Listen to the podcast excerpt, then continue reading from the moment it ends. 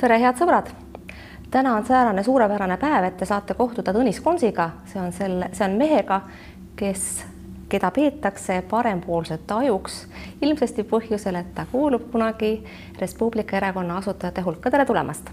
tere päevast!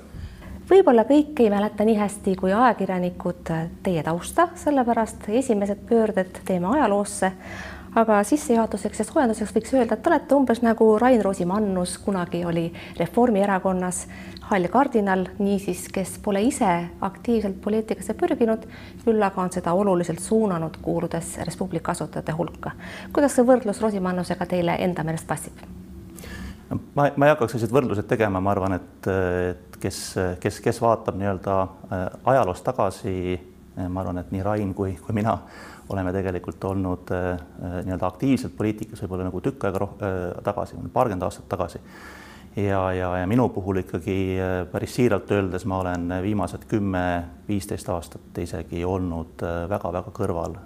ma olen olnud erakonna realiige, olen erakonna poliitikutega suhelnud eeskätt kui sõpradega, aeg-ajalt käinud suurematel üritustel, aga sellist nii-öelda aktiivset osalemist ei erakondlikustel ametikohtadel ega, ega ka aktiivse nõuandjana ei ole tegelikult minu puhul aastaid ja aastaid olnud.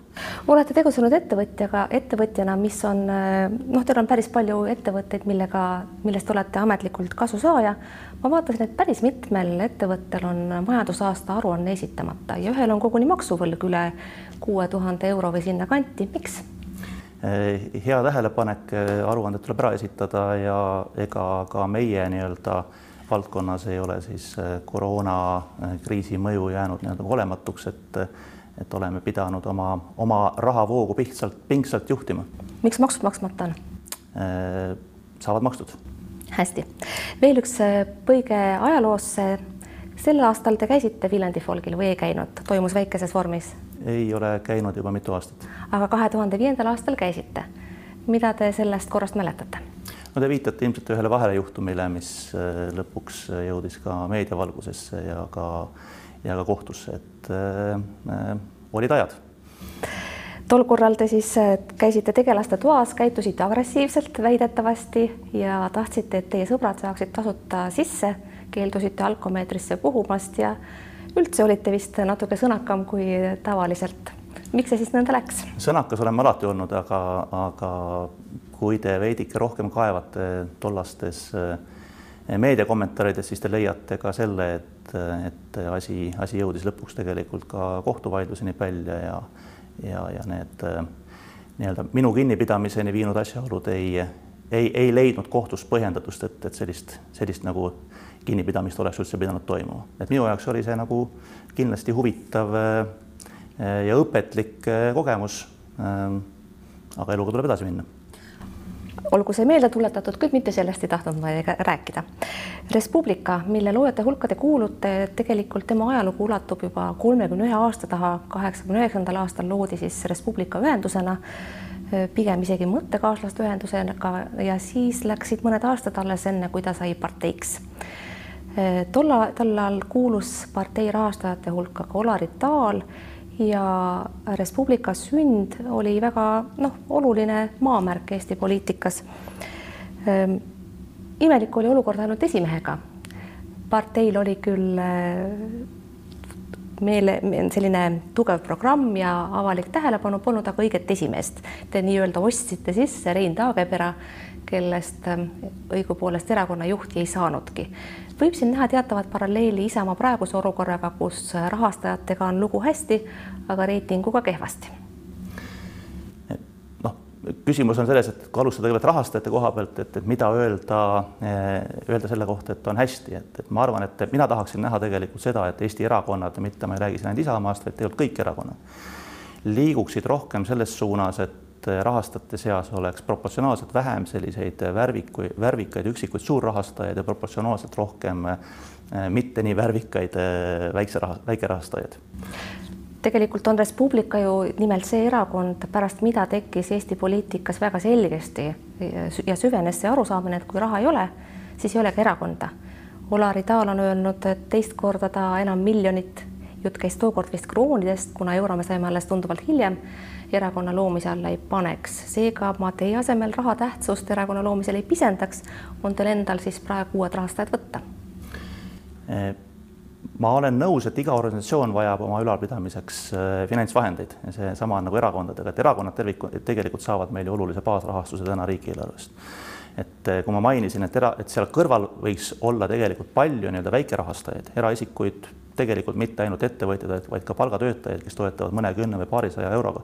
et see oleks tegelikult oluline selline turvaline baas, mis näitab ka erakonna nagu äh, kandepinda. Te räägite jällegi teoreetiliselt, aga mina küsin praktiliselt, kus on teie parempoolsete rahastajad siis praegu, missugune on teie selline finantsgarantii, et parempoolsed üleüldse Eesti poliitikas õnnestuda saaksid? jällegi meenutades Res Publica kogemust, pole raha, pole erakonda. no esialgu me oleme ikkagi teinud seda puhtalt algatajatena oma vabast ajast ja vabast tahtest ja isiklikust isikliku ressursi peal, mis on olnud peamiselt aeg, ehk siis äh, aeg mõtistada teemade üle, panna üht koma täis kirja, äh, nii-öelda ka helistada, suhelda inimestega, et see on nagu peamine investeering olnud siiamaani. ma arvan, et me ei, me ei hakka üleval pidama oma kontoreid, meil ei ole sellist füüsilist infrastruktuuri vaja me käitame veebikanaleid, mis, mida saab ära teha jällegi organisatoorses nii-öelda ühiskondlikus korras. et tõenäoliselt on meil tulemas nii-öelda liikmeühenduse üldkoosolek, kus tuleks valida juhtorganid. loomulikult selline üritus teatavasti midagi maksab, et ju siis tuleb teha väike korjandus. võib-olla hakata siis kahe, kahe, kahel kujul jõudma liikmemaksu, üks Isamaa kassasse ja teine parempoolsete kassadesse hea mõte, aga ei ole seda veel arutanud. vaatame korra veel ajalukku, Res Publica õppetunnid tegelikult on Eesti poliitikale mu meelest erakordselt olulised, tema tõus ja langus on leidnud suurepärase kajastuse omaaegse Esto TV tehtud filmis. Ken Saan ja Rain Tolk olid siis tol korral need tegijad. Ehm, mida täna vaadates, kaks tuhat neli sai see valmis, mm, pärast kahe tuhande kolmandat aastat, kui te esimest korda saite siis edukalt eh, parlamenti. kui seda filmi täna vaadata, siis on täiesti ilmne, et Res Publica on vaimses mõttes EKRE eelkäija. nõustute selle hinnanguga? kindlasti mitte, ma arvan, et eh, tookordne film oli selline provokatiivne sotsiaalne kriitika, eh, mida vabas ühiskonnas tulebki teha. Eh, ma ei hakkaks nagu tol tookordse, tookordse filmi nii-öelda motiividest rääkima, aga ma, ma tuleks selle küsimuse nagu põhiiva kohta. ma arvan, et tegelikult eh, Res Publica, Res Publica tollane nii-öelda roll ja panus Eesti poliitikasse, ma pean siis silmas perioodi peale kahe tuhande kolmanda aasta valimisi, kui kui moodustati Juhan Partsi valitsus, on paljuski tegelikult lahti eh, mõtestamata, sealhulgas meie enda erakonna poolt, aga, aga ma tooksin siia nii-öelda, kui me räägime õiguskorrast korrast laiemalt, siis ma tooksin tegelikult siia teise dimensiooni juurde. valikord meenutan ma eh, vaatajale, kui tal endale meelde ei tule. just, eh, mida see siis tegelikult ka tookord tähendas ja mis ka reaalselt ellu viidi, et kui me vaatame nagu mitmeid teisi meie saatuse kaaslasi, ütleme siis nii-öelda endises idablokis, siis üheksakümnendatel viidi igal pool läbi eduka majandusreformid. Eh, viidi läbi erastamine, toimus nii-öelda omanike klassi teke. täna me tegelikult näeme seda, et enamuses idabloki riikides tegelikult ei toimi äh, kodanikuühiskond, on äh, lokkab korruptsioon, on, on, on mitmeid muid probleeme nii-öelda õiguskorraga. Eesti on suutnud seda teed tegelikult nagu vältida, ma julgen väita, et kahe tuhandenda aasta alguses tehtud muudatused tegelikult olid need, mis rajasid aluse sellise väga tsiviliseeritud lääneliku Äh, ka natukene skandinaavialiku avatuse mõttes, äh, läbipaistvuse mõttes ühiskonna äh, loomisele ja see on tegelikult andnud positiivse tõuke ka sellele, et täna on Eesti Ida-Euroopa riikide seast praktiliselt kõige jõukam. Teie ometi seda Res Publica arvele ei kirjuta? ma arvan, et Res Publica tollasel valitsusel oli selles väga kandev roll no tagantjärele tundub see mõnevõrra irooniline, kui me meenutame Ken-Marti Vaheri mõõdikute skandaali või seda, mismoodi Parts lõpuks peaministri kohalt lahkuma pidi. aga just meenutamegi mõõdik, nii-öelda mõõdikute skandaali, kus tegelikult eh, valitsuse langes see, valitsus langes seetõttu, et üks tollane koalitsioonipartner eh, Reformierakond ei olnud nõus korruptsiooni ohjeldamisega noh, aga Ken Marti Vaheri plaan eh, tegelikult pälvis väga suur kriitikat, see ei, ei kannatanud ka tollases avalikus ruumis selline noh, plaani, plaani järele kiiruseületajate püüdmine mingit kriitikat tol hetkel oli tegemist sellise nii-öelda perioodiga, kus tuli saavutada muudatus ja, ja muudatusi, muudatuste tegemise perioodil iga reformi käivitamine on kriitikarohke ja ja, ja, ja selle muudatuse tulemus on olulisem kui see, kuidas seda muudatust tollal käivitati. ma näen, et Res Publica on teile kallis ja see on täiesti ka arusaadav, see on mõnes mõttes ju teie laps erakonna maastikul edasine ajalugu erakonnal ei ole nii roosiline.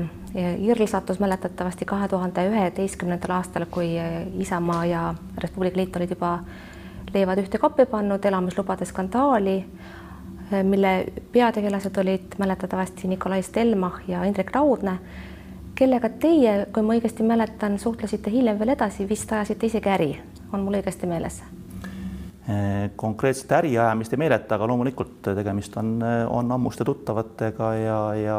Raudsega olete ka hea, väga head sõbrad juba kooliajast peale? Eh, kooliajast küll peale mitte, aga ütleme nii-öelda, et eh, üheksakümnendate aastate keskpaigas kindlasti jah. missugused teie tegevused siis pärast seda olid, kui see elamislubades ka skandaal oli juba erakonda raputanud tugevasti, mis te koos tegite täpsemalt? Stenmachi ja Raudsega eks me oleme aeg-ajalt ju nii-öelda eh, teinud seda kõike, mida nii-öelda tuttavad ja sõbrad omavahel teevad, eks ju, et et eh, aeg-ajalt saadakse kokku, suheldakse telefonis, vahetatakse mõtteid. Reformierakonna allaneelamine ei õnnestunud omal ajal. kui Siim Kallas tol, tookord Reformierakonna nimel selle kokkuleppe sõlmis, siis üsna pea sai erakonna esimeheks Andrus Ansip, kes ütles, et selline kokkulepe lendab ajaloo prügikasti. kui tol korral oleks õnnestunud Res Publical ja Reformierakonnal omavahel liituda, missugune võiks olla tänane erakonna maastik või oli see üldse realistlik plaan, sest tol korral Reformierakond oli teist ikkagi suurem Res Publicast oluliselt? ma julgen kahelda, kas Reformierakond oli oluliselt suurem, et tegemist oli tegelikult siiski liitumise plaaniga mitte kellegi ülevõtmise. no eks seal ülbitseti vastastikku, aga ikka üks arvas, et teine neelatakse alla, nii see oli olles tegelikult ka oma nii-öelda töös puutunud kokku nii-öelda ettevõtete ühinemise temaatikaga, siis selliste eeldustega äh, nii-öelda vaenulikku ülevõtmist tegema minnes äh, reeglina see protsess ei õnnestu, et ma arvan, et tegemist oli ikkagi puhtalt, puhtalt ühinemise plaaniga, mis oli kaetud mõttes korrastada poliitilist maastikku ja, ja luua alus siis tegelikult sellisele väga suurele tugevale parempoolsele parteile mis paratamatult toimus, oli see, et Reformierakonnas toimus eh, juhivahetus ja sellega seoses hakkas see erakond ka kiiresti muutuma, et eks eh, mis oleks saanud teistsuguse arengu korral, seda on väga raske nii-öelda, see on puhtalt nii-öelda spekuleeriv arvutus, ma ei, ei hakkaks seda tegema. arusaadav, meenutame korra paari sõnaga ka kurikuulsat poistebändi Eh, millest siis, mille liikmetest ainsana praegu kuulub valitsusse Urmas Reinsalu ja millesse teie muide otseselt ei kuulunud ka mitte Juhan Parts, kes Ken-Marti Vaheri on võtnud praegu kaasa kontrollikotta. Ken-Marti Vaher mäletatavasti kuulus. no olid sellised neli tõsist meest, kunagi eriti ei naeratanud ja tahtsid, et valitakse kord. Teie tookord eh, sellele pildile tavaliselt ei läinud ja ei kandideerinud ka siis enne kahe tuhande kolmanda aasta äh, valitsuse moodustamist Riigikogu valimistel ka ei kandideerinud. miks te juba tollal, kuigi te tegelikult aktiivselt erakonda ehitasite, hoidusite aktiivsest rollist? minu kandideerimised jah, nii-öelda valitavatele kohtadele jäid kõik üheksakümnendatesse aastatesse veel enne seda, kui Res Publica äh, erakonnastus. Äh, ma ei ütleks, et ma hoidusin kahe tuhandete aastate algusel aktiivsetest rollidest, ma olin tegelikult erakonna peasekretär mõnda aega, ma olin erakonna tõsi, see on väga tähtis, see on väga tähtis roll, ta peab äh, nimelt raha tooma. Eh, raha oli nagu üks äh, aspekt, sest äh, Res Publica oli Riigikogu väline erakond ja, ja kellel ei olnud riigieelarvelist rahastamist ehk tõepoolest kogu see rahastus tuli kokku korjata nii-öelda eraannetuste toel, aga, aga see ei olnud äh, kaugeltki kõige domineerivam tegevus, millega tegeleti, et, et kui te mõtlete ajas tagasi, siis Res Publica oli tegelikult ikkagi Eesti esimene rahvapartei, me tõepoolest nagu väga lühikese aja jooksul ehitasime üles tervet Eestit kandva äh, organisatsiooni tuhandete liikmetega. see ei olnud sugugi, sugugi nii-öelda nii-öelda kerge töö. see on kindlasti väärt kogemus, mis kulub teil ära praegu parempoolsete ühenduse loomisel ja käivitamisel noh, mis on siis sisuliselt äh, nagu suurem Isamaa väikese Isamaa sees, noh nagu mõned inimesed kujutavad ette, et maakera sees on mõni suurem maakera. Ehm, Jüri, Jürgen Ligi minu meelest märkis täiesti tabavalt, et kuigi teie rõhutate kogu aeg parempoolsust ja äärmusluse vastasust, on selle ühenduse manifest tegelikult äh, sügavalt äh, liberaalne. Seeder, Helir-Valdor Seeder, Isamaa erakonna juht, ütles siin eelmises saates, et mingil juhul Isamaa ei muutu liberaalseks erakonnaks, noh, mis võiks siis tähendada, et ainult üle minu laiba toimuvad need muutused, mida teie tahate teha. kas olete valmis minema üle Seedri poliitilise laiba? kindlasti me keda ke, laipu me poliitikasse ei soovi, et, minu jaoks on tegelikult eh, selle arutelu puhul väga kummastav eh, selline nii-öelda teadlikud katsed kuidagi nii-öelda näidata poliitilist polariseerumist ja poliitilist vastandumist nii-öelda siis konservatiivse ja liberaalse maailmavaate vahel, et ma mäletan ka Eesti poliitikast äh, väga pikalt seda aega, kus tegelikult äh, konservatiivsetega, kristlike demokraatlikega, liberaalsete vaadetega inimesed suutsid väga edukalt teha koostööd, leida ühisosa, juhtida riiki, võtta vastu otsuseid ja, ja sellise nii-öelda parempoolse mõtteviisi ühine nii-öelda nagu vastasrind või ütleme, see vastaspool on ikkagi sotsialist ja kommunist. et, et, et see viimastel aastatel meie nii-öelda inforuumi eksporditud äh, mõtteviis, et, et justkui on mingisugune debatt käimas nii-öelda või võitlus käimas konservatiivide ja liberaalide vahel, et see on tegelikult pseudoteema ja ma arvan, et sellisele sellisele libedale teele ei oleks tegelikult mõistlik ja kasulik minna. arusaadav, kuid siiski teie algatus on sügavalt kriitiline nii valitsuse, nii EKRE, EKRE suhtes kui ka ikkagi erakonna praeguse kursi suhtes ja mis seal salata, ka praeguse esimehe suhtes Te ei ole ka varjanud, et kui uued valimised tulevad järgmisel aastal, siis te loodate Seedri kõrval näha ka teist kandidaati, miks siis mitte juba kandideerida ise? siin on nüüd mitu, mitu teemat, et tegelikult sellest me mõnda aega tagasi varem rääkisime, et et ma ei ole juba ka väga pikka aega, tegelikult minu vist viimane nii-öelda ühiskondlik ametikoht erakonnaga seoses oligi eh, seotud peasekretäri ametiga. noh, ja mis siis? ja peale seda olen ma olnud lihtsalt erakonna liige, nüüd selle aasta algusest oleme valitud erakonna volikogu liikmeks ja ma arvan, et nii-öelda erakonna tegemistega kursis olekuks on sellest juba eh, hää küll. et mul endal tegelikult selliseid eh, personaalseid plaane ei ole, ma arvan, et, et mida Isamaa erakond vajab ja noh, ma arvan, et seda vajavad ka teised erakonnad. meil poliitikas on tegelikult liiga vähe erasektori kogemusega talente ja, ja, ja on, on võib-olla ka natuke liiga palju neid inimesi, kes on jäänud nii-öelda liiga pikalt ütleme siis nii-öelda laias laastus Toompeale pidama ja ei suuda seda mull, mulli seest nagu välja mõelda et, et sellist nii-öelda positiivset konkurentsi on kindlasti juurde vaja. kui meie saame selles osas kaasa aidata ja, ja selliseid inimesi kas siis nii-öelda nagu tagasi aktiivseks tuua või juurde tuua, siis selle, sellest võidab, ma arvan, kindlasti meie erakond.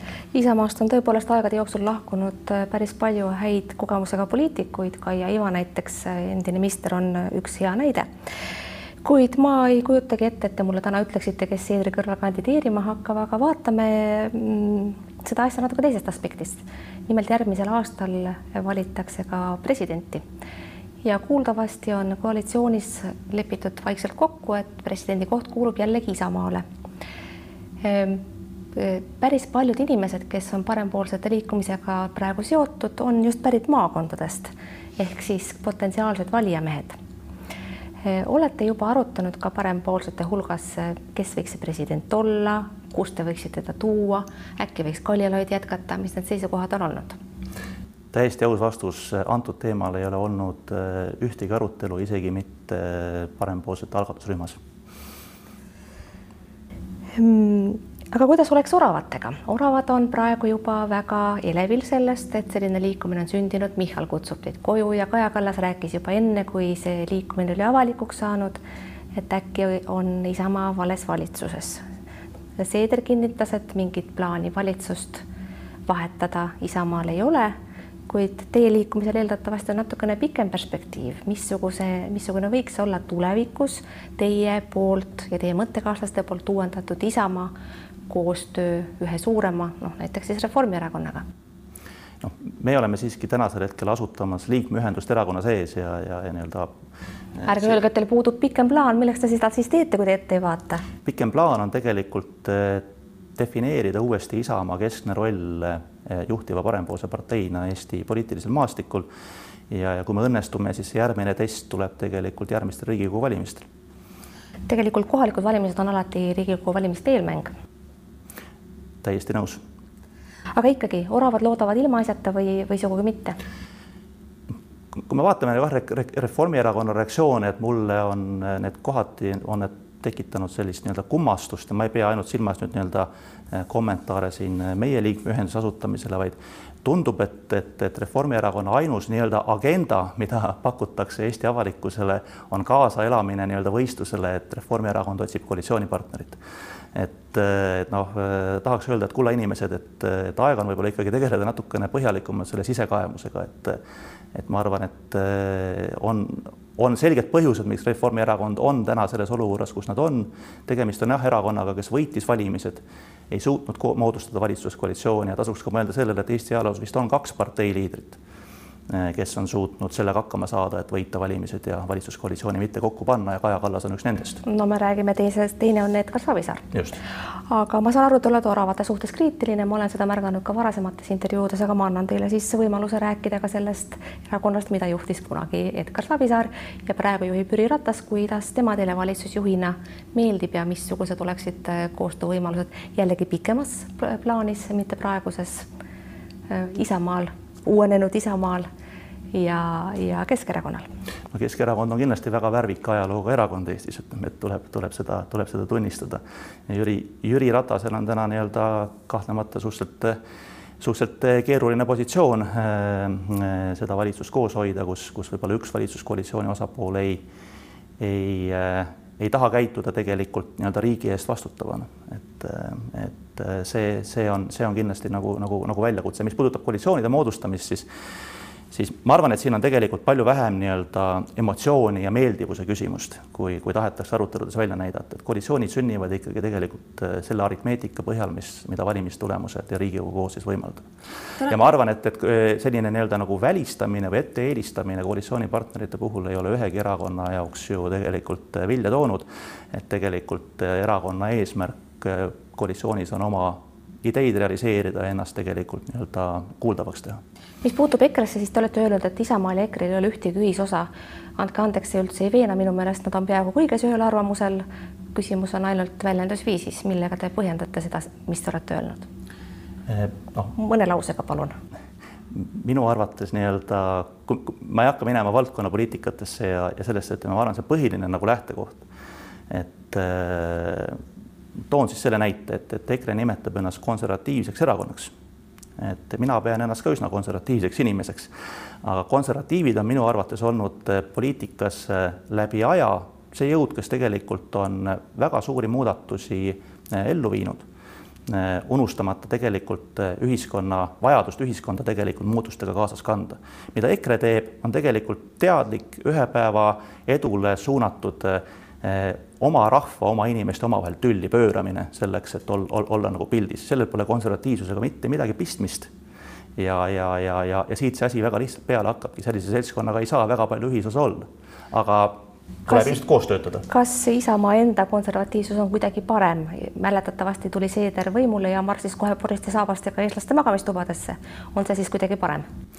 noh, ma arvan, et äh, Isamaa äh, ja tema nii-öelda liidrite poolt eh, viimasel ajal välja käidud eh, mõnedki mõtted on kaasa toonud just selle nii-öelda parempoolsete liikumise eh, ka nii-öelda aktiviseerumise erakonna sees. et selles mõttes on Heliril õigus, et, et, et, et see on osaliselt tema pikaajalise töö tulemus. et, et meie, meie näeme tegelikult erakonna poliitikat teistsugusena, me näeme teda, teda tegelikult sellisena äh, mis oli tegelik, mis on toonud eh, tuhandeid inimesi omal ajal vanasse Isamaaliitu, tuhandeid inimesi omal ajal vanasse Res Publicasse ja need kaks erakonda kokku viinud. Tõnis Kons, see oli suurepärane jutuajamine. kallid sõbrad, teil soovitan ma üles otsida Äripäevas ilmunud Tõnis Konsi kirjutised, mida lugedes te ilmselt tunnete ära päris palju sellest, mida te täna kuulsite ja mida parempoolsete manifestist lugeda võib. aitäh, et vaatasite, kuulmiseni, nägemiseni